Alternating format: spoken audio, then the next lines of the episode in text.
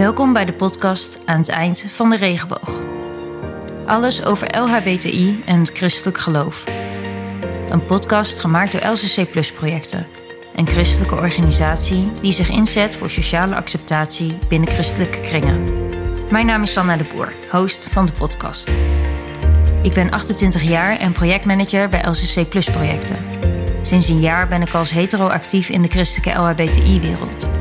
In deze podcast neem ik jullie mee op reis langs verhalen van LHBTI'ers en hun strijd en zoektocht met zichzelf en de kerk.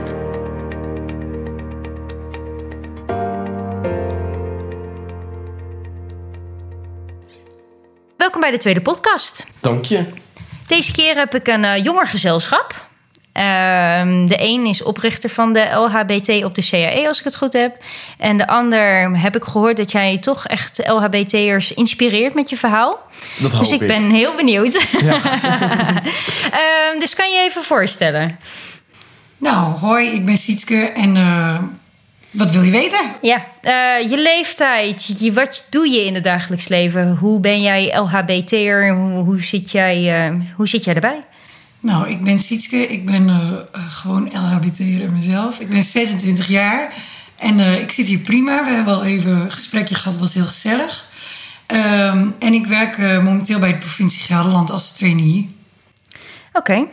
En, omschrijf je jezelf als gewoon LHBT'er in het algemeen of überhaupt niet? Nou, het is niet, niet hoe ik me voorstel meestal. meestal nee, nee, nee. Oh, ik wel. ja, ja, dat zeg je dan. Hoi, ik ben de H. Oh, ja, ik ben de H. Nee, ik moet zeg maar bij in mijn LHBT-omgeving moet ik me wel altijd vaak zeggen: Hoi, ik ben Sanna, ik ben hetero. Dat is heel raar om dat te moeten zeggen. Dus toen besefte ik me ook pas van. Hoe raar is het dan wel niet voor jullie dat je je geaardheid zou moeten vertellen? Hoeft Ja. niet per se, hè? Nee. Nee. Nee. Het is meer als het eh, ter sprake komt van... Nou, dan zeggen we, oh, maar ik ben, oh, ik ben homo of zo. Ja. Ja, maar in een christelijke omgeving is het toch wel meer een dingetje. Maar heb je dat niet zo ervaren? Ja, maar dan stop ik het ook vaker weg. Dan zeg ik het niet minder snel in een christelijke omgeving.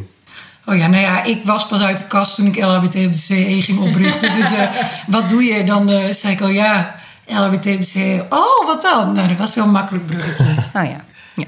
Maar eh, we hebben ook een mannelijke gast, we hebben gehoord. Ja, kan je klopt. even voorstellen? Eh, nou, ik ben Jacob Willem. Ik ben 21 jaar oud. Ik zit in het derde jaar van mijn opleiding journalistiek. En eh, ja, hobby's van mij zijn pretpark en radio. Pretpark ook. Ja, ik vind het heerlijk om naar een pretpark te gaan. Het is echt, dat is gewoon een, een soort van mijn druk. Om gewoon heerlijk een dag in een pretpark zijn. Even alles vergeten wat er in de wereld gebeurt. En gewoon in een hele andere wereld zijn. Ja, ja, dat is, ja, dat is ook eigenlijk wel zo. Wat is je favoriete park? Efteling natuurlijk. Ja? Ja, het is gewoon echt een mooie droomwereld. Ja, oh joh. Ik ben er één keer geweest, een paar jaar geleden voor het eerst. Oh, Ja. is het leuk? Ja, eh, die, hoe heet die, die eh, de bron. De Baron 1898. Ja, die was wel heftig. Heerlijk. Geweldig. Even gillen. Gewoon, je mag gewoon schreeuwen. Voor, geoorloofd schreeuwen. Ja. Oké, dat mis jij in het dagelijks leven. Ja, soms even alles eruit gillen. Ja. Oh, heerlijk.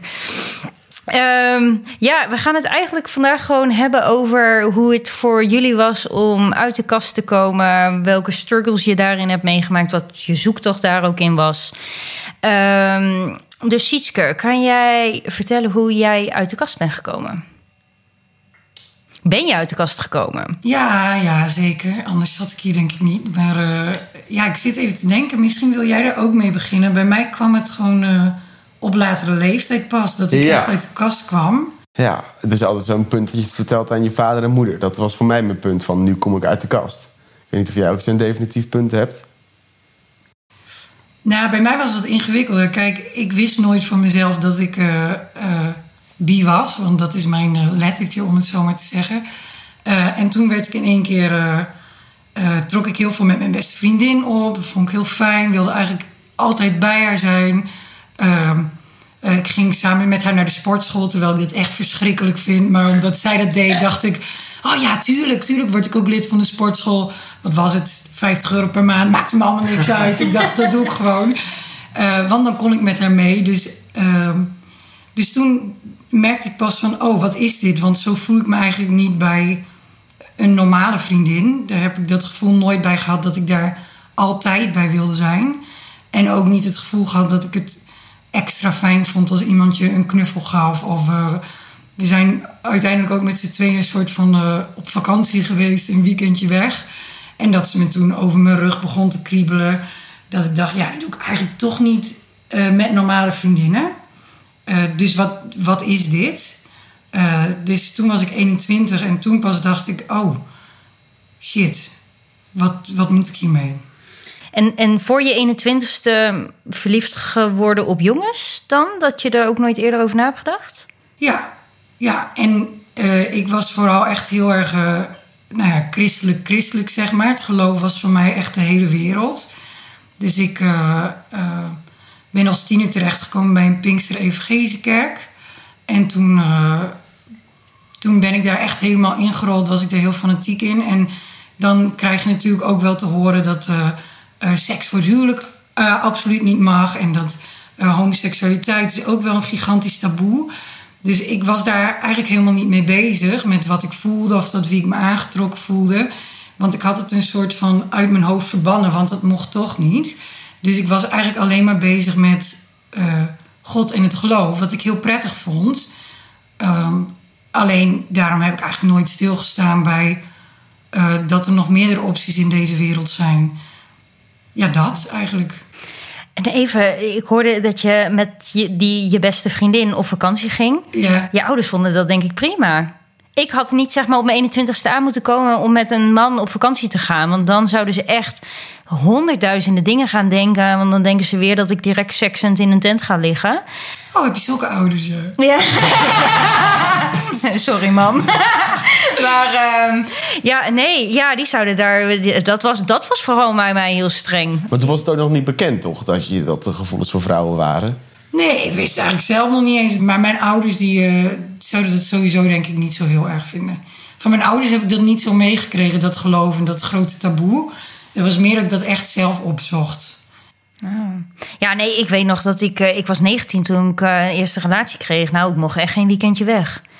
En eh, als ze dan eh, bij zijn ouders eh, een weekendje waren... dan ja, gescheiden kamers. En we mochten geen eens mee op één kamer zijn. Want we moesten het goede voorbeeld geven voor de broertjes. En nee, dat was echt een heel ding. Want ik weet nog dat na 2,5 jaar gingen we eindelijk wel een weekendje weg. Ja.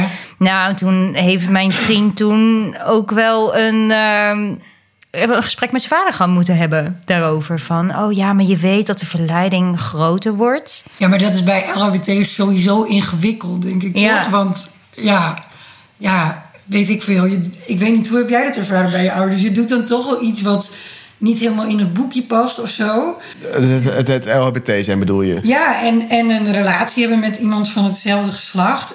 Ik heb mijn moeder daar in ieder geval... Nee, Met jongens nee, was dat ook- vroeger toen ik tiener was wel anders. Ja. Dat daar veel voorzichtiger Ik, mee was, ik heb het ook meegemaakt. Ik, ben, ik was toen al uit de kast bijvoorbeeld. En toen op een gegeven moment, ik heb mijn beste maatje die ook gay is. En geen gevoelens voor hem, hij houdt niet van mij en zo. En toen zijn we wel samen op vakantie gegaan om gewoon als beste maatjes te zijn. Maar er, er zijn wel wat eh, woorden over gezegd. En dat vond mijn moeder toen helemaal niet leuk dat we met z'n twee op vakantie gingen. Want ja, oh, hetzelfde geslacht, eh, vallen op hetzelfde geslacht. Oh wee, wat als er wat gebeurt en zo. Dus bij mij, wat jij ook net vertelt, herken ik dat heel erg. Ja, dus eigenlijk behandelden ze dat gewoon als normaal. Als normaal, ja, Dus- als jongen en meisje. Ja, maar inderdaad, dan zou het voor jou, voor je ouders veiliger zijn dat jij met een vrouw op vakantie zou Eigenlijk gaan. wel, ja. Maar kijk, dat was ook bij mijn broer zo. En bij mijn zus, die mocht in het begin ook niet eh, op vakantie met een Maar vriend ja, of ik ben vriendin. bi, hè. Dus als je nou een, een Ja. bi, als je nou een biseksuele man of vrouw bent... en je bent tiener en je komt daarachter... en je zegt tegen je ouders... zou je dan met niemand meer op vakantie gaan? Ja, Eigenlijk, als je het zo redeneert, dan zou het niet meer mogen. Nee. Nee, dat lijkt me wel problematisch. Ja. Ja. Ja. Maar even, even bij jou, Jacob Willem. Ik vergeet altijd half je naam. Welke volgorde ik moet doen. Ja, Eh, JW mag ook, eh, hè? Oh, dat is Lekker beter. lekker JW. Ehm, hoe ging het voor jou uit de kast komen? Nou, echt het tegenovergestelde wat Sietke net vertelde. Ik, eh, nou, ik kom dus eh, vanuit een hele christelijke omgeving, christelijk dorp ook, echt een bolwerk. En op een gegeven moment kwam ik erachter van... hé, hey, er is wat anders bij mij. Ik had bepaalde trekjes, ik deed anders dan anderen, om zo maar te zeggen. En eh, toen kwam ik erachter dus van... hé, hey, eh, dat zijn gevoelens voor jongens. Maar ik was heel erg vanuit de kerk, heb ik meegekregen van... dat mag niet, dat kan niet, eh, dat is taboe. Er werd eigenlijk ook nooit over gepraat binnen in de familiekringen. En toen dacht ik van, oké, ik heb het. Het zal wel een fase zijn. Dus ik ben het heel erg gaan wegstoppen. Er tegen gaan verzetten ook. Ik kan me nog heel goed herinneren dat ik uh, bijvoorbeeld 15 was... en ik zat op catechisatie, een soort van bijbelgroep met, vanuit de kerk. En er was een jongen, die was homo. En toen hadden we er een discussie over. En ik was zo fel tegen hem ingegaan. Van, lees de Bijbel, het mag niet, het kan niet, het staat terecht en zo. Oh, ja. Omdat ik, me, omdat ik het zelf heel erg wegstopte... en daardoor een hele erge afkeer ervoor opbouwde. En uh, nou, naarmate ook uh, bouwde ik een afkeer naar mezelf op. Want ik had het en ik dacht van, nou, ik kan het altijd wel verstoppen. Ik ga gewoon lekker met een vrouw trouwen zoals het hoort, zoals het verwacht wordt. Want dan zijn mijn ouders tevreden, zijn, zijn mijn familie en vrienden tevreden. Maar op, toen, toen ik dat deed, uh, ben ik eigenlijk heel erg mezelf naar beneden gaan helpen. En toen ben ik er eigenlijk achter gekomen dat, ik, dat ik, wat ik wegstopte, dat kon ik niet wegstoppen. Ja. Maar dat was een deel van mij. Ja. Maar toen kwam het op een gegeven moment van... oké, okay, ik kan dit niet meer wegstoppen. Ik moet het gaan vertellen. Maar dat durfde ik niet. Want er werd, er werd niet over gepraat thuis. En als het over andere mensen ging die dan uit de kast kwamen... nou, dat werd echt besproken van... oh, nou, die is ook homo. Nou, arme hij. En uh, dat is niet goed. En ja, hoe, hoe, voelde dat voor jou, dat hele wegstoppen? Wat... Dat, dat is gewoon angst.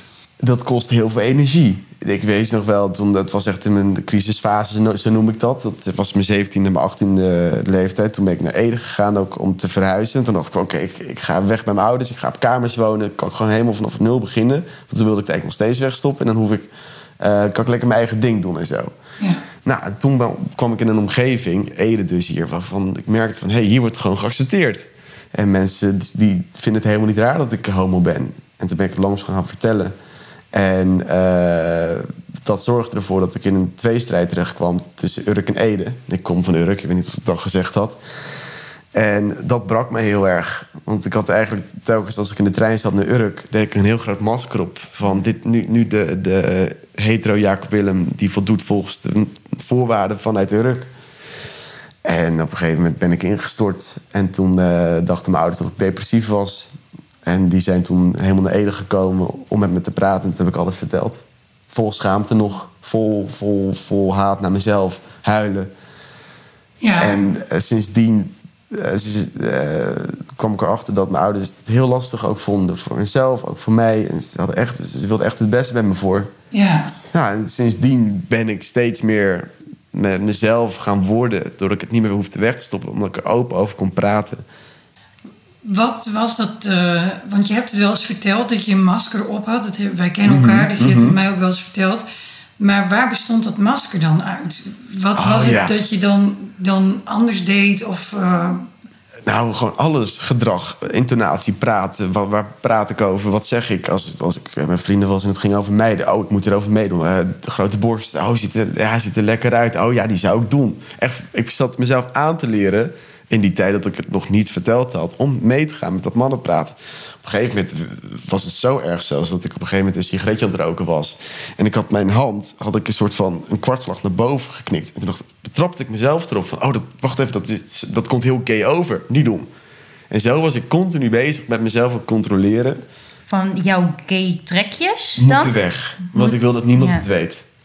En dat kostte heel veel energie. En toen, daardoor stortte ik in. ja, en dat lijkt me. Kijk, ik ben bi, dus ik zit er weer een beetje tussenin.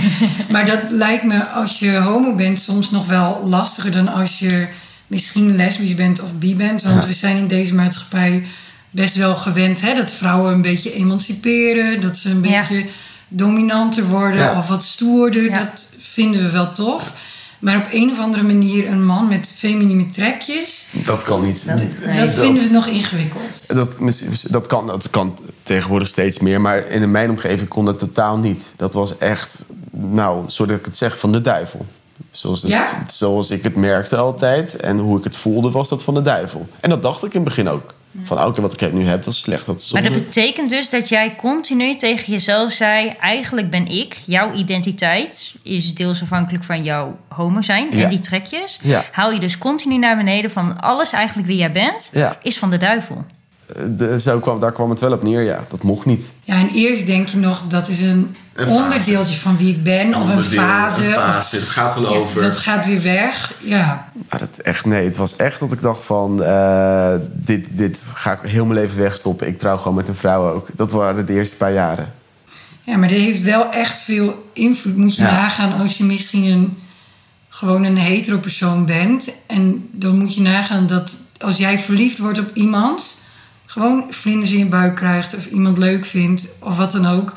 dat je dan iedere keer de gedachte bij je opkomt, bijna tegelijkertijd... Ja. Dit, dit is van Satan, dit is zo verkeerd. Maar het grappige is, dat ga je zelf heel erg denken. Ja. Maar sinds ik eigenlijk uit de kast ben ge- gekomen... en ik heb het tegen mijn ouders verteld en mijn vrienden... heb ik me meer dan ooit gewoon gewaardeerd gevoeld. En mocht ik er gewoon zijn om wie ik ben. Ja. En mensen zijn me ook meer gaan waarderen... omdat ik eindelijk mezelf meer kon zijn. ja. En echt gewoon de ware ik kon laten zien van... hé, hey, dit ben ik en dit gedrag doe ik... omdat ik ook gewoon homo ben. Of dit zeg ik omdat ik homo ben. En eh, toen kon ik pas eigenlijk inzien dat ik mezelf ook kon liefhebben. Ook dat gedeelte.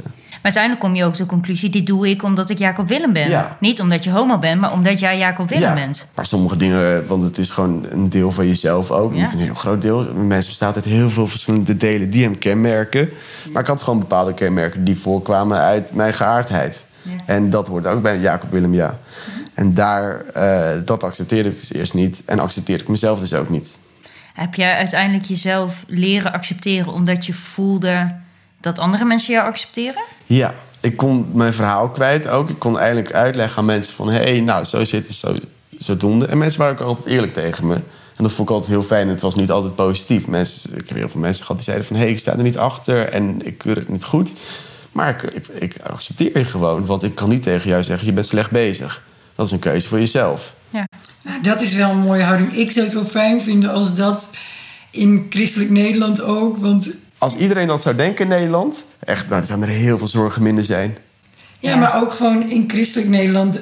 Eh, ik heb ook wel het idee, ik heb wel echt reacties gekregen van mensen die, eh, die zeiden: Nou, als je deze levensstijl aanhoudt, dan eh, moet ik je waarschuwen. Dat heeft consequenties voor je bestemming voor de eeuwigheid. Mensen die me echt jarenlang niet hadden gesproken en dan in één keer voelden alsof zij mij daarvoor moesten behoeden. Dus ik zou het echt wel een hele vooruitgang vinden als mensen nederig durven te zijn en durven te denken: ja, maar ik ben God niet. God is veel wijzer dan ik, veel groter dan dat ik ben. Hij weet veel meer wat er in iemand omgaat dan dat ik dat weet. Dus ik deel mijn mening. Misschien vind ik het lastig. Maar God is degene die daarover oordeelt. Ja. En dat zou ik ook zo fijn Ja. vinden, want dat is zoveel meer ontspannen. Dan zou je het nog steeds als jongere, denk ik, lastig vinden Ja. om in een christelijke context uit de kast te komen. Want dan nog steeds hebben mensen daar een oordeel over. Ze durven nog steeds te zeggen: ik, vind, ik denk niet dat het oké is. Maar als je naar de hel wordt gestuurd of je wordt wijsgemaakt dat je beïnvloed bent door Satan hemzelf, alsof die geen betere dingen te doen heeft. Maar in ieder geval, dan, dat lijkt me echt veel schadelijker. Maar, dat is ook zo. Mijn vrienden zeggen ook gewoon, een paar vrienden dan in mijn vriendengroep, die zeggen ook gewoon: Ja, ik sta niet achter de dingen die je doet. Ik, sta, eh, ik geloof dat het zondig is. Maar ik zou nooit jou daarop afkeuren. Ik zou zelfs gewoon op je bruiloft komen later. En hij zou altijd welkom zijn. Hopelijk als ik later met de man mag aankomen. Maar Ja. weet dat ik eh, vanuit persoonlijk er niet achter sta. En ik heb ook mensen gehad die echt, zoals ze zeiden, tegen mij tekeer gingen van nee, en je moet echt oppassen en je moet echt dit niet doen. En als een soort van, eh, nou, bode vanuit God. Maar toen heb ik ook gewoon tegen die mensen gezegd, prima, dat mag je zeggen, maar ik wil niet dat jij mij gaat opleggen wat ik moet doen.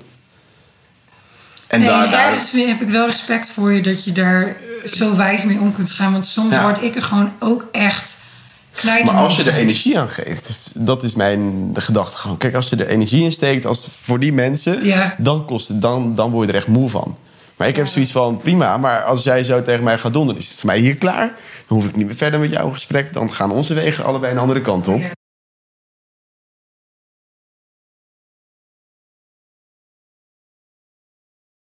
Ja.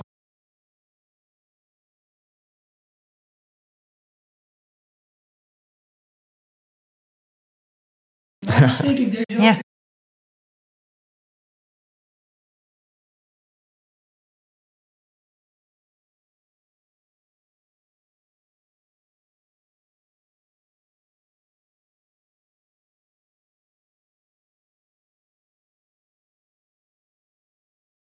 Nee. En ook niet aan mij. Het is voor iedereen, dat, dat was ook mijn, eh, voor iedereen is geloven ook persoonlijk. Ja. En eh, ik vind ook dat moet eigenlijk niemand anders in de weg in staan en daar een mening over vormen over hoe een ander gelooft. Want dat kunnen mensen heel snel doen. Heel snel met de vinger wijzen van, oh jij moet het zo doen, jij moet het zo doen. Maar dan denk ik ondertussen van ja, maar doe je het zelf dan zo goed? Ja, niet. Niet. Nee.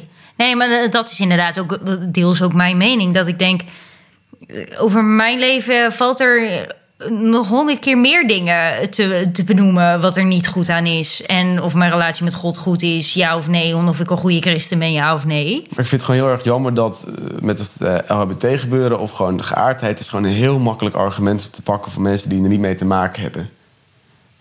Denk ik dan. Want ik merk gewoon heel snel dat mensen er heel snel een woordje over klaar hebben. Van, oh nee, dat is slecht. En dat komt ook voor uit opvoeding, omgeving. Ja. Want ik dacht het eerst ook.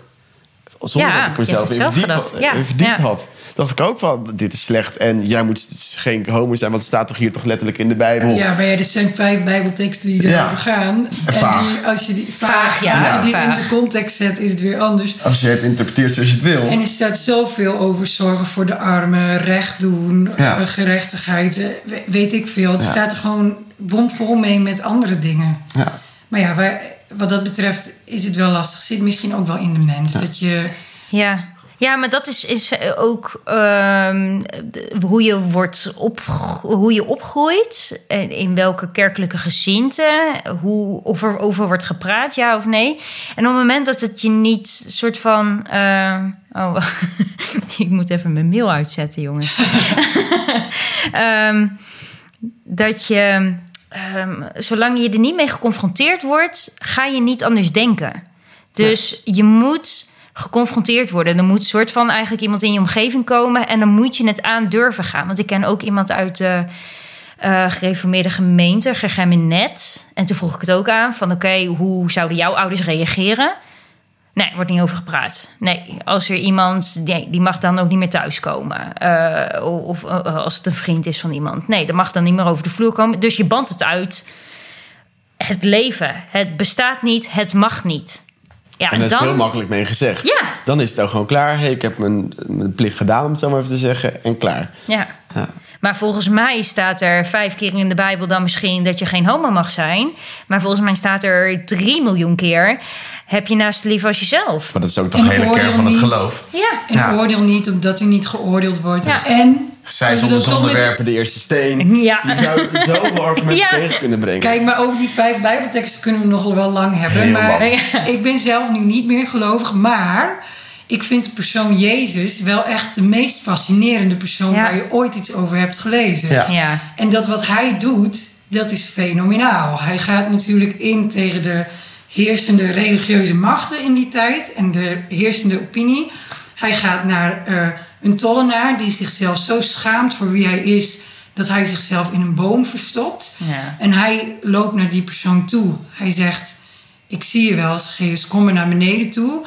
Ja. En hij gaat vervolgens aan de tafel met hem zitten. En met hem de maaltijd vieren. Waar al die mensen bij staan die hem eigenlijk veroordelen. En ook Jezus veroordelen, omdat hij dat doet. Ja, maar dat vind ik eh, altijd het mooiste aan Jezus. Ja. Dat vind ik nog steeds inspirerend. Hij kijkt om naar de mensen voor wie anderen een soort van de oogkleppen op willen doen. Ja. Dus daarin zou je het misschien ook kunnen interpreteren als... eh, stel jij luistert deze podcast en je eh, bent zelf religieus... dat misschien God of Jezus jou ook wel oproept om eh, je oogkleppen even af te zetten... en om naar de mensen om je heen te kijken die misschien wel worstelen met dit thema. Ik weet niet, dat, dat vind ik Ja. altijd typisch iets... ja, voor Jezus, dat vind ik gewoon nog steeds mooi. Ja. Dat alle mensen die, die niet tot het Joodse volk behoren, of die werden bestempeld als hoer, of die eh, gewoon in het oog van anderen er niet bij hoorden of verkeerde dingen deden, daar ging hij mee om. Dat vind ik zo mooi. Als ik één voorbeeld wil volgen, dan is dat dat Ja, nog grappig, steeds. want ook altijd op van die jongere evenementen kregen we wat van die bandjes van Ja, wat moet Jezus doen? doen? Ja. Ja. En dat is, als je dat gewoon altijd in je achterhoofd zou hebben, van wat moet Jezus doen? Dan is, dan is het leven ook omtrent het geloof veel makkelijker ook naar je naaste toe. Ja? Nou ja, dit is wel een spannende om- vraag dan. Nou, met het omgang met andere mensen. Jawel, Wat jij ook net zegt, hij ging naar de, de meest zondige mensen toe en ving ze op alsof ze hun beste vriend waren. Nou ja, nu dus heb ik een beetje een gekke vraag in mijn hoofd. Dus misschien moet ik die ook niet stellen, maar Kan eruit geknipt worden. ja, dat, dat is fijn. Eh, wat zou Jezus doen als hij zelf homo was? Want nu hebben wij het weer Ah, ik andere vind- mensen. Ik vind niet dat je zo'n vraag kan beantwoorden. Nee. Nee. Maar kan je dan überhaupt de vraag beantwoorden: What would Jesus do? Ja, je kan wel beantwoorden hoe hij met anderen omgaat. Nou, het- het- Jezus had een andere bestemming op aarde. En, en dat, dat maakt denk ik de vergelijking ingewikkeld. Ja. O- Omdat hij geen. Wij soort van zijn als mens, volgens mij, wat de bestemming van de mens is, is vindt een partner een plantje voort. In ieder geval wat even en zorg voor de aarde. Ja, en wijd je leven aan God. Nou, dat is een beetje een soort van de basis dat in Genesis wordt geschept. Jezus kwam niet per se om een vrouw te vinden Nee, of een niet. partner of iets. Hij eh, kwam, eh, zoals Johannes 3 vers 16 dat eigenlijk mooi zegt... eh, en daarvoor en daarna vooral... dat hij komt niet om te oordelen... maar om hier te zijn en uiteindelijk aan het kruis te gaan. Ja. Ja, om zichzelf te geven. Ja, en dat was zijn bestemming. Die Ja, totaal dus, anders is. vraag kan eruit. Want Ja. het is een. Nou, nee, maar, Nou, maar ik vond het wel goed. denken zetten. Ja, ja. En eh, ja, ik, zo, nee, ik denk niet dat de geaardheid van Jezus een heel belangrijk iets is. Dat kun je nooit bespreken, want het was zo bij Jezus. Het was, hij, had hij eigenlijk wel een geaardheid? Nou, dat je weet ik niet. Ja, Dat maar kun je er helemaal uitknippen. Je- je Maar- leest er niet over. Nee, maar dat is ook waar het niet om draait. Maar kijk, eigenlijk wat, met wat ik wilde zeggen, echt met die tekst van wat moet Jezus doen, ik denk ook gewoon dat je dat moet bedenken van als je in een situatie staat waarin je keuze moet maken. Bijvoorbeeld als je voor de deur van een bar staat. Van moet ik hier wel naar binnen? Zou Jezus het doen of niet? Kijk, je, zegt, niet als, je zegt niet altijd van... oh, Jezus zou het niet doen, dan doe ik het ook niet. Want zo is een mens. Een mens doet ook gewoon zijn eigen wil. Maar al heb je in je gedachtegang of in je beredenering gewoon die vraag... wat moet Jezus doen? eh, er voor 50% in zit... dan helpt het al een stukje. ja. Ja. Maar ik denk, wel, zoals je dat eigenlijk nu zegt, en zo ben ik eigenlijk ook opgevoed. Ik had dat bandje altijd om. Ik had ook frog. Ik weet even niet meer waar het voor stond. Veer, veer... eh, vra- ja, ik niet. Nou, dat weet ik echt niet meer. Friend of God. Maar dat klopt niet. Nee. Eh, Nou, maar misschien ik, trouwens wel. Wat? Nou, F, R, friend. ja, God. god. Nou, ik weet het niet. Ja, want dus volk is gaar. maakt ja, dat gaan we opzoeken. Ehm, maar ik denk dat het me wel echt oprecht wel geholpen heeft om, om opener naar andere mensen te kijken. Ja. En Dat, als, als dat, iedereen, dat zou eigenlijk iedereen moeten doen. Ja. Ook in de hele christelijke wereld. Ja, Niet heel want snel. toen jij dat net vertelde over hoe Jezus dat deed, ik kreeg eigenlijk gewoon een beetje kippenvel. Toen dacht ik, hoe mooi zou de wereld zijn op het moment dat we allemaal iets meer op Jezus lijken? Als we allemaal die tollenaar uitnodigen bij ons thuis van hey, jij mag er ook zijn. Ik zie jou. Ik zie dat je eigenlijk een masker hebt, maar ik zie wie jij bent. Ja, en ik heb nu wel een beetje geleerd. Want eerst dacht ik ook... Ja, maar ik wil niet gezien worden als die tollenaar. Want er is niets mis met mij. Maar nu denk ik ook... Soms ben ik die Zacchaeus... Op wat voor moment dan ook... Die in de boom kruipt. En denkt... Oh, ik heb het weer helemaal... Ja. Dit gaat weer nergens over. En op een ander moment... eh, ben ik die Jezus. Ja. Hè, dus op het ene moment is iemand Jezus voor mij... Die mij dan uit die boom haalt. En op het andere moment mag ik misschien ook Jezus voor iemand zijn die hem of haar dan even uit de boom haalt. Ja, want dat, dat doen mijn vrienden ook naar mij. En ze hoeven het niet te doen op mijn geaardheid. Maar zij moeten me soms wel even uit die boom halen. Van, San, waar ben je nou eigenlijk mee bezig? Ja. Waarom zet je een masker op? Waarom doe je dit? Of, of waarom accepteer je jezelf niet om wie je bent? En, en ik ben heel blij dat mijn vrienden dat doen. Maar ja, de- wereld zou veel mooier zijn als iedereen dat voor elkaar doet. Heb je daar ook een verhaal over? Oh, ehm, Want het zijn best wel grote woorden, toch? Die je... Ja, ik, ik denk dat zeg maar vrienden dat op een, op een subtiele manier eigenlijk altijd net zo'n vraag aan je kunnen stellen dat je denkt: oh, waar, waar ben ik mee bezig? En, en eh, door van die kleine tussendoorvragen, dat ze je soms veel meer aan het denken zetten dan, eh, dan je eigenlijk op dat moment zou doen. Ja, of als je er doorheen zit, misschien even dat steuntje in de rug geven of dat complimentje. Ja, ja. En dan ehm, op een gegeven moment leren ze je gewoon zo goed kennen dat ze steeds meer zien. En ik krijg nu heel vaak van wat, wat zeg maar mijn, mijn ontwikkeling, en, en dat geldt volgens mij voor elk persoon. Ehm, je moet je identiteit gewoon ontzettend ontwikkelen. Zeker in je tiende jaren en begin twintig. En nu nog steeds hoor. Uh, eind twintig. Ehm, ja, ben je daar gewoon continu mee bezig. En moet je vooral en eigenlijk... moet je ook vrij kunnen doen. Ja, ja. En, en voor mezelf, en, en dat is wat ik wel heel erg her- herken... is dat mijn middelbare schoolperiode echt meer dan ronduit verschrikkelijk was.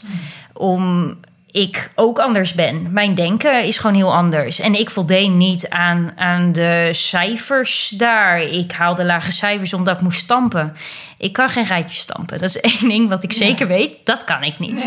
Ehm, en je voelt je anders, omdat je niet mee kan komen. Omdat je je, je, je brein denkt anders. Je, je kan niet levelen met iedereen. En ik had één vriendin met wie ik dat wel kon. En daar voelde ik mij thuis en veilig. Toen dacht ik, oh, jij snapt wel datgene. En zij zag ook in mij van, ook al haalde ik echt drieën en vieren en was ik slecht, zij zag wie ik echt was. En ze zag hoe mooi ik was. En dat heeft me er echt wel doorheen geholpen. Als ik die niet had gehad en zij het niet zou zien, dan weet ik niet waar ik was geweest op dit moment. En dus ik denk dat ik daarin wel ook een, een deel van jullie verhaal in herken. En ik Ja. denk dat heel veel mensen dat ook wel herkennen.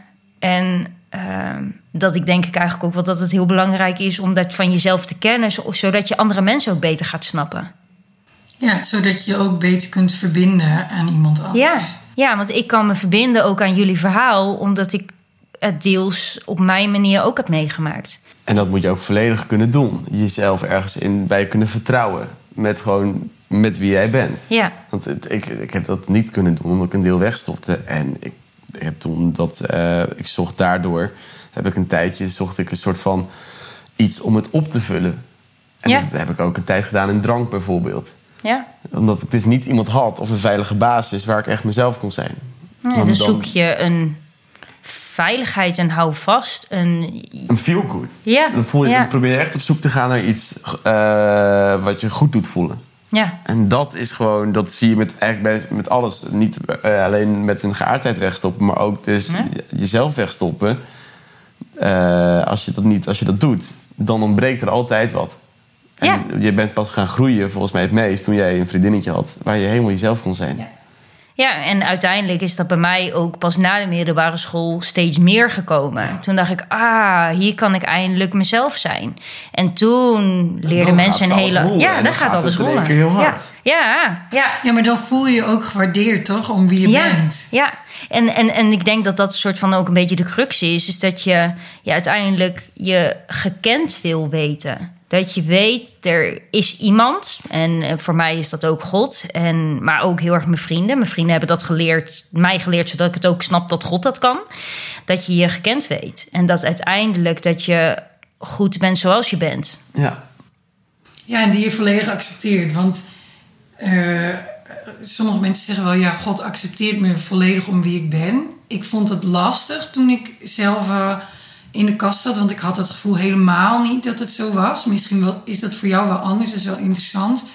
Maar ik had dat eh, helemaal niet, omdat ik me juist ook door God heel erg veroordeeld voelde, omdat allemaal andere mensen die eh, me vanuit God gingen waarschuwen, zeg maar, hoe slecht ik wel niet bezig was. Dus als je zelfs die veilige haven niet meer kunt hebben, die had jij misschien nog wel, dat weet ik ook niet. Uiteindelijk, ehm, voor mij in de kerk, en mijn kerk was echt toch goed hoor. Eh, maar dat was vooral mijn eigen brein. Ik vond mezelf gewoon niet goed genoeg. Want ik ben een spons. Ik hoor dingen in de kerk. En dan denk ik, ik ben geen perfecte christen. En ik veroordeelde mezelf keihard op dat ik aan niks kon voldoen.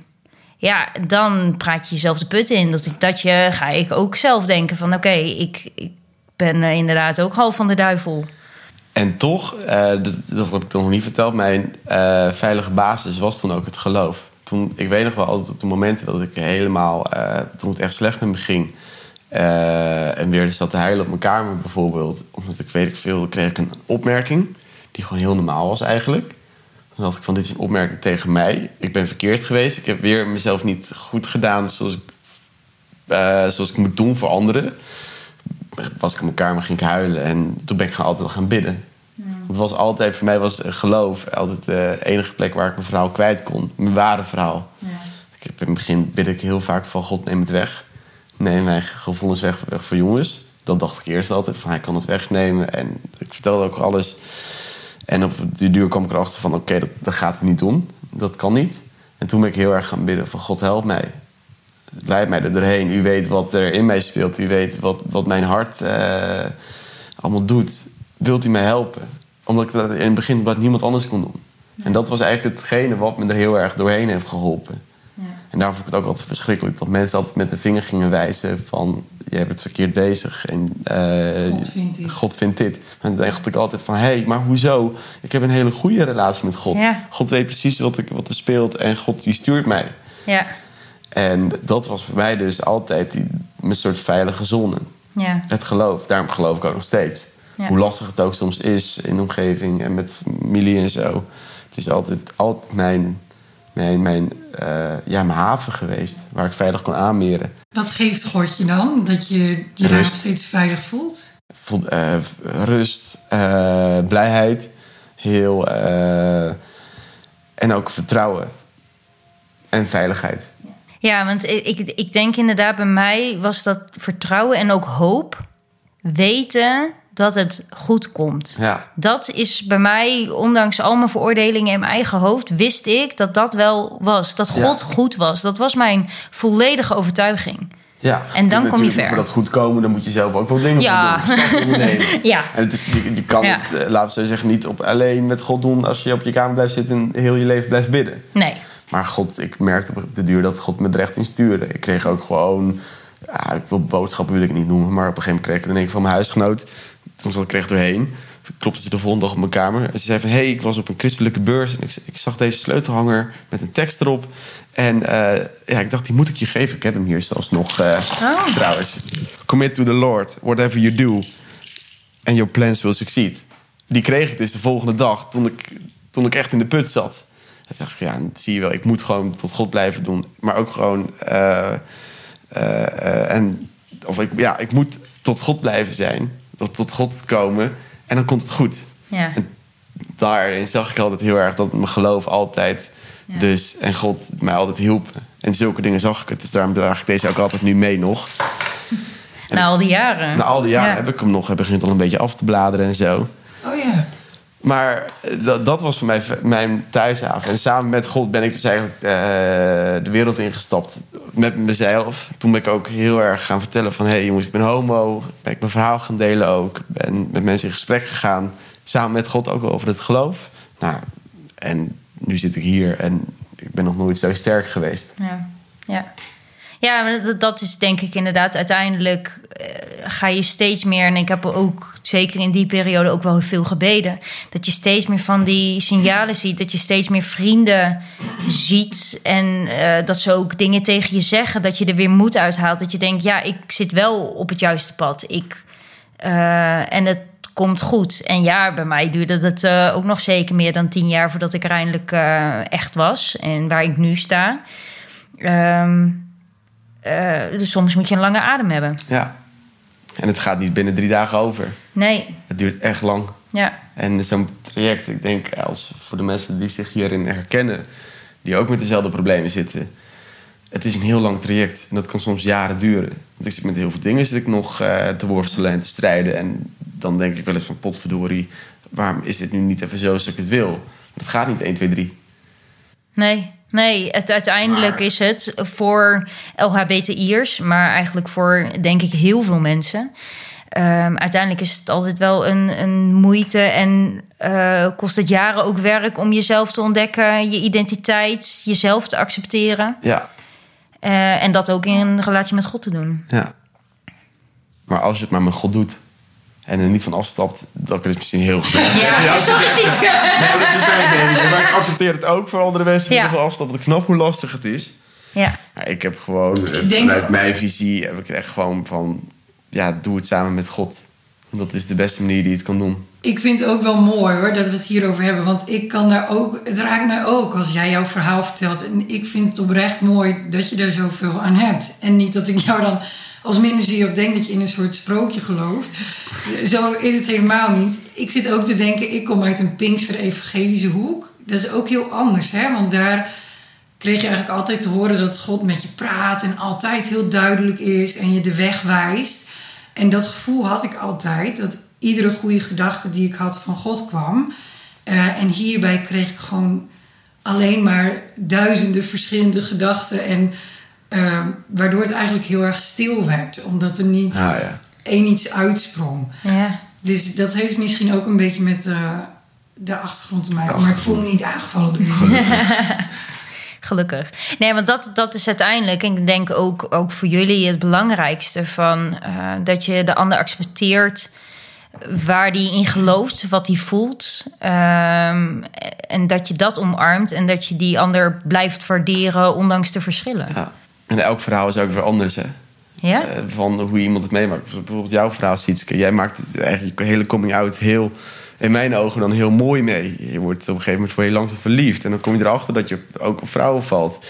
En dat ontwikkelt zich tot een nou, tot nu nog steeds. Want je bent nog steeds met dezelfde vrouw samen. Ja. dat wilde ik weten. Ja. ben je nog steeds met haar? Ja. Leuk. Ja, vijf jaar uh, inmiddels gepasseerd. Ja. En het heeft natuurlijk heeft soms wat uh, moeite gekost, denk ik. En uh, soms een obstakel. Natuurlijk, en de moeilijkste dingen die ga ik hier niet eens delen. Nee. Want dat is meer... En de mensen uh, ja, sommige mensen reageren gewoon lastig. En dan moet je ook. maar dat komt, wordt ook wel beter. Ook als je eerst nare reacties krijgt, dat wordt wel beter. Het wordt altijd beter. Bijna altijd. Vaak, ja, dat is niet helemaal waar. Maar in dit geval, ik denk zodra je uh, de kast uitstapt, die kast eerst op een kiertje zet, eerst stap je eruit, ontdek je eigenlijk telkens meer hoe vrij je kunt zijn en wat voor last er van je afvalt om constant dat masker op te doen. Of om, ja, de, dus dat wordt wel echt beter, denk ik. Een gesloten kast is het ergste. Dat is gewoon een minst leuke tijd. Ja, Van, ja dat is heel eenzaam. is heel eenzaam. Ik zat met mijn vriendin in de kast negen maanden. Dat vond ik al verschrikkelijk. Ja. Want dan, uh, dan kan je met niemand echt delen wie je bent... of wat er in je leeft of waar je mee worstelt. Of, terwijl je er in je hoofd zoveel mee bezig bent. En dan heb je nog een vriendin om het te delen. Ik zat er in mijn eentje in. En dan echt wel jaren. Ik denk wel vier, vier jaar dat ik in mijn eentje erin zat. En dat gun je gewoon niemand. Alleen je in die raakt je jezelf volledig kwijt. Ja, ik had wel iemand, God. Ja. Maar, en dan kon ik heel veel kwijt. Maar toch, je wilt het ook even tegen iemand zeggen. Gewoon van, hé... Hey, en die wil, die, God heeft ons in verbinding gezet met andere mensen. Ja, dat hij er gewoon antwoord op geeft. Ja. Dat is een weer mooi theologisch onderwerp. Ja. ik ga niet over theologisch onderwerpen bij jou. Jawel, dat is oh, wel leuk. Ik word er dan bijna weer enthousiast over. Dan denk ik, oh, oh was toch ergens nog wel een leuke ja. Ja. Nou, ik denk dat we ook op het einde zijn. Hebben we een conclusie dan? Hebben wat, wat, dat vraagt me heel erg af. Ik, ik denk wat, wat, dat... Nu je onze ja. verhaal hebt gehoord, wat ben je, waar ben jij achter gekomen? Dat vraagt me heel erg af dan achter ben gekomen? Ja, ik, ik denk dat uit jullie verhalen, beide verhalen denk ik wel, um, je, je kan niet ontkennen wie je bent. Je, je geaardheid, maar ook je talenten, je brein, je, dat, dat is wie je bent. En dat moet je, en dat wil je ook nooit aan de kant zetten. En um, ik denk dat daarin het gesprek, elkaar helpen, um, je oogkleppen afzetten. Ehm, dat we zoveel kunnen betekenen voor elkaar. En elkaar accepteren, het gesprek met elkaar aan te gaan. Dat dat wel het belangrijkste is. En ik denk voor jou ook, waar stop je je energie in? Stop je energie in de mensen die misschien het niet accepteren, maar wel op je bruiloft willen komen. Ja, wat ik altijd zeg, ik uh, hoop altijd met mijn verhaal dat uh, andere mensen, ik wil heel erg graag met mijn verhaal andere mensen helpen die nu of uh, hetzelfde hebben meegemaakt. Of nu nog in die kast zitten. En wat ik, wat ik weet hoe kut het is. En ik hoop altijd dat mensen eigenlijk uh, heel snel inzien. Gewoon snel genoeg van: oké, okay, ik mag er zijn. Ik mag gewaardeerd worden. En eh, mensen gaan van mij houden of houden van mij ondanks dat ik homo ben of niet. En voor de mensen die mainstream hetero zijn, om het zo maar even te zeggen, eh, wil ik altijd meegeven van hey, kijk ook even om naar die mensen en luister naar ze. Ja. Ga niet veroordelen. Je mag wel een mening vormen. Die mag je ook wat zeggen tegen die mensen, maar luister ze ook naar ze. En laat ze voelen dat ze gehoord worden. Ja. Dat is voor iemand die in de kast zit super belangrijk. Ja, denk ik ook. En eh, ja, wat moet ik hier nou nog aan toevoegen? Hè? Ja, Ja, het wordt beter. Ik denk ook dat je, als je in de kast zit, dan maak je het echt heel groot. ja. Misschien net als dat jij misschien ook wel heel groot maakt om om hulp te vragen of zo als Ja. je je niet lekker voelt eh, in je vel. Maar eh, voor mij was het een hele opluchting om dat te delen met mensen. Ondanks dat je een stormvloed aan reacties krijgt, wat best pittig is. En, maar volgens mij is het voor jou ook een hele opluchting. De wereld vergaat niet Nee. als je deelt. Je leeft nog steeds. En misschien voel je er eerst even vervelend onder, maar misschien ook wel meteen super opgelucht. Het wordt beter. Het wordt echt veel beter. Want je, je kan pas echt eh, het beste in deze wereld... Of, eh, je kan je beste leven leven, om zo maar te zeggen... als je er gewoon 100% met jezelf erin staat. Ja. Als je gewoon 100% jezelf bent in dat leven. Nou, nu hebben we al eh, een 10 minuten durende conclusie. Nee, Ah, maar ik kan zo nog een uur door hoor. ja, wij kunnen nog uren nee, doorpraten. dat, ja, ja. het is gewoon...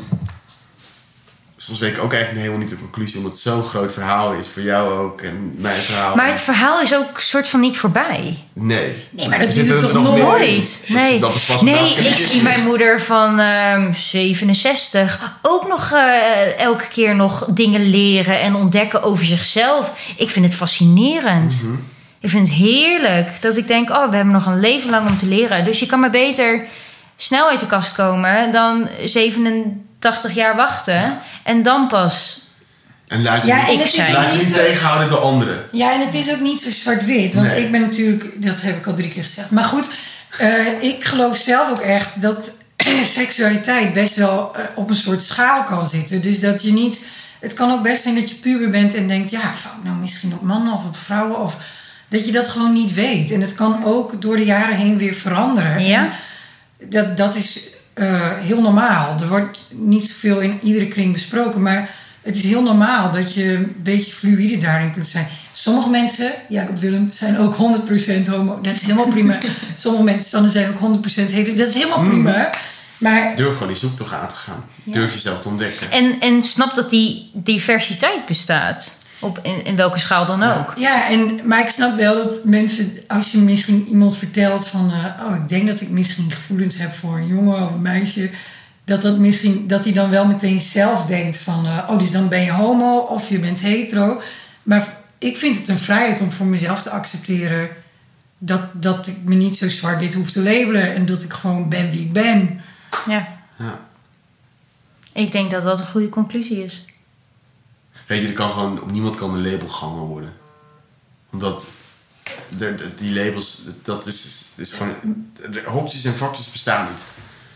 Iedereen een hokje en een vakje, iedereen is anders. Dus er is voor iedereen een ander hokje. Ja, we zeggen, we hebben 7 miljard biljoen hokjes. Ja, wees gewoon lekker jezelf. Ja, sorry, ik weet even niet.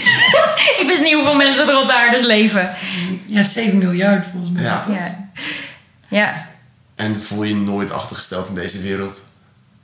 Altijd jezelf zijn. Preach it, Jacob. Ja, maar echt waar. Met jezelf zijn, dan kom je het verst mee. Ja. En kun je het sterkste zijn. En ben je ook je mooist? En je mooiste. ja. Ik vind het wel hele heftige conclusies, eh, omdat ik eh daarvan ook overtuigd ben.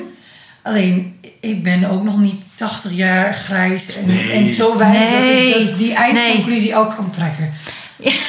Ja, nee, dat ja, is nee, zo. nee, dat is ook zo. Maar tot nu toe voel ik me er prettig bij om mezelf te zijn. En dat geeft anderen ook de ruimte om. Maar dat, het geeft. eigenlijk. Doe gewoon waar je je goed bij voelt. Ja, maar uiteindelijk geeft dat ook, omdat jij accepteert wie je bent, dat je verder groeit naar wie je bent. Ja, Ik ben nog niet uitgegroeid. Ik nog niet. lang niet. Nee. Maar omdat ik nu mezelf maar accepteer zoals ik nu ben, kom ik wel het verst. Ja. En ben ik Dus ook het gelukkigst. jezelf niet weg. Ook niet een deel van jezelf. Al is het maar iets heel kleins. En eh, vertrouwde, en natuurlijk in het begin is het lastig om, als je, als je iets verstopt waar je niet trots op bent, om zo maar te zeggen. Mhm. Vertrouw het dan aan de mensen om, waarvan je weet van, hé, hey, die geven om mij en ik geef om hun. Ja, maar dat, ga- dat geldt voor heel veel dingen, denk Ja. ik. Niet alleen voor je geaardheid, Nee, maar ook natuurlijk. Ja, als je ergens niet goed in bent... of als je iets spannend vindt. Of, ja. Gewoon alles delen. Ik eh, heb dat geeft. moeten leren bij de psycholoog. Die Ja. zei, eh, leer maar vertrouwen. Vond ik niet leuk, maar uiteindelijk is het wel goed. Ja, maar dat is het ook. Het is niet leuk. Het voelt super kwetsbaar. Het voelt alsof je niet goed genoeg bent. En, maar inderdaad, op het moment dat je het wel vertelt... en mensen wel in vertrouwen neemt... hoe fijn het is om jezelf te kunnen zijn... en, en die veiligheid te kennen. ja, maar ik vind het echt niet altijd roze geur en maneschijn. Nee. Het Nee. coming out proces. Nee, ik zou niet, niet tegen mensen willen zeggen... nou, doe dat maar en het is hartstikke makkelijk. Want het is echt niet. Het is ook de zwaarste tijd in mijn leven geweest. Die tijd om uit de kast te komen. Maar nu ben ik wel een beetje geland. Nu Ja. denk ik, nu is het gewoon oké. Ja, Maar dat uit de kast komen was dat is niet... verschrikkelijk. Maar, Nou ja, nou nee, nee, nou, ja, nee, nee, maar Het is ook bevrijdend Het is heel bevrijdend, maar je, het, het- je moet echt jezelf bij elkaar rapen op verschillende momenten. Dat, Nee. dat je er op een gegeven moment dat er geen licht meer is eigenlijk. Vond in mijn geval dan hoe ik het ervaren. Dat ik echt dacht van ja, nee, ik stop ermee. En ik, maar ik denk dat eigenlijk het, het belangrijkste daarin ook is dat je weet dat je niet de enige bent. Ik, Nee. ik voelde me ontzettend eenzaam en ik dacht echt zelf dat, ik- dat ik de enige was die zo in een put kon zitten. Oh ja. Ja, En wetend. echt gelijk in. Je bent niet alleen. Nee. Je bent niet gek. Je bent, jij was ook niet gek. Nu nog steeds niet trouwens. Maar je, en je bent gewoon niet de enige die met Nee. die gedachten zit. En het hoort deels bij het leven ook om soms door moeite heen te moeten gaan. ja. ja, En, en dat is pijnlijk, kost heel veel energie. Je voelt je soms meer dan kloten. Maar uiteindelijk wat het geeft, is alleen maar meer vrijheid en liefde. ja, misschien om nog met een mooi Bijbels ding te komen. Het louteren. Hè? Dan brand je ook alle, alles eruit wat, eh, ja, wat onrein is in die context. Maar ook wat je misschien in de weg staat. Waar Ja. je moeite mee hebt. Waar je tegenop kijkt. En daar word je eigenlijk alleen maar puurder en mooier van. ja. Ik ga nog allemaal voorbeelden. echt... Jij gaat je, echt mag preachen. Mag ik me heel, mag helemaal afsluiten? Ja. Het, het schiet heel in in mijn hoofd. Het is eigenlijk heel makkelijk. Het wordt ook in een kinderliedje bezongen. Eh, zoals klei in de hand van de pottenbakker.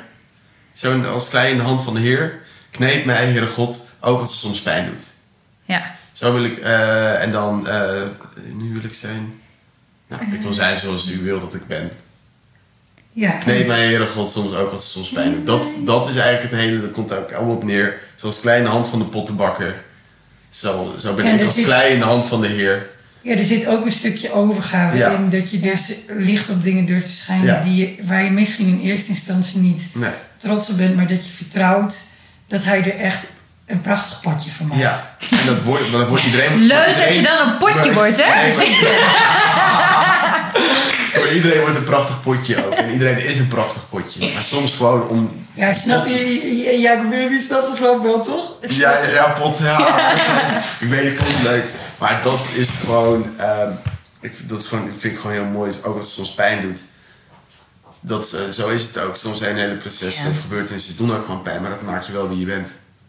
En je komt er alleen maar sterker uit. Ja, en veel mooier. En veel mooier. Dat was het. Ja. Dank jullie wel Ja, voor jullie bedankt. toffe gesprek. Ja, Ja. dank jullie wel dat jullie ook zo open wilden zijn. Nou, bedankt dat we mochten komen. Ja, en dat we je een mooi huisje hebben mochten zien. Dank je, dank je. Yes.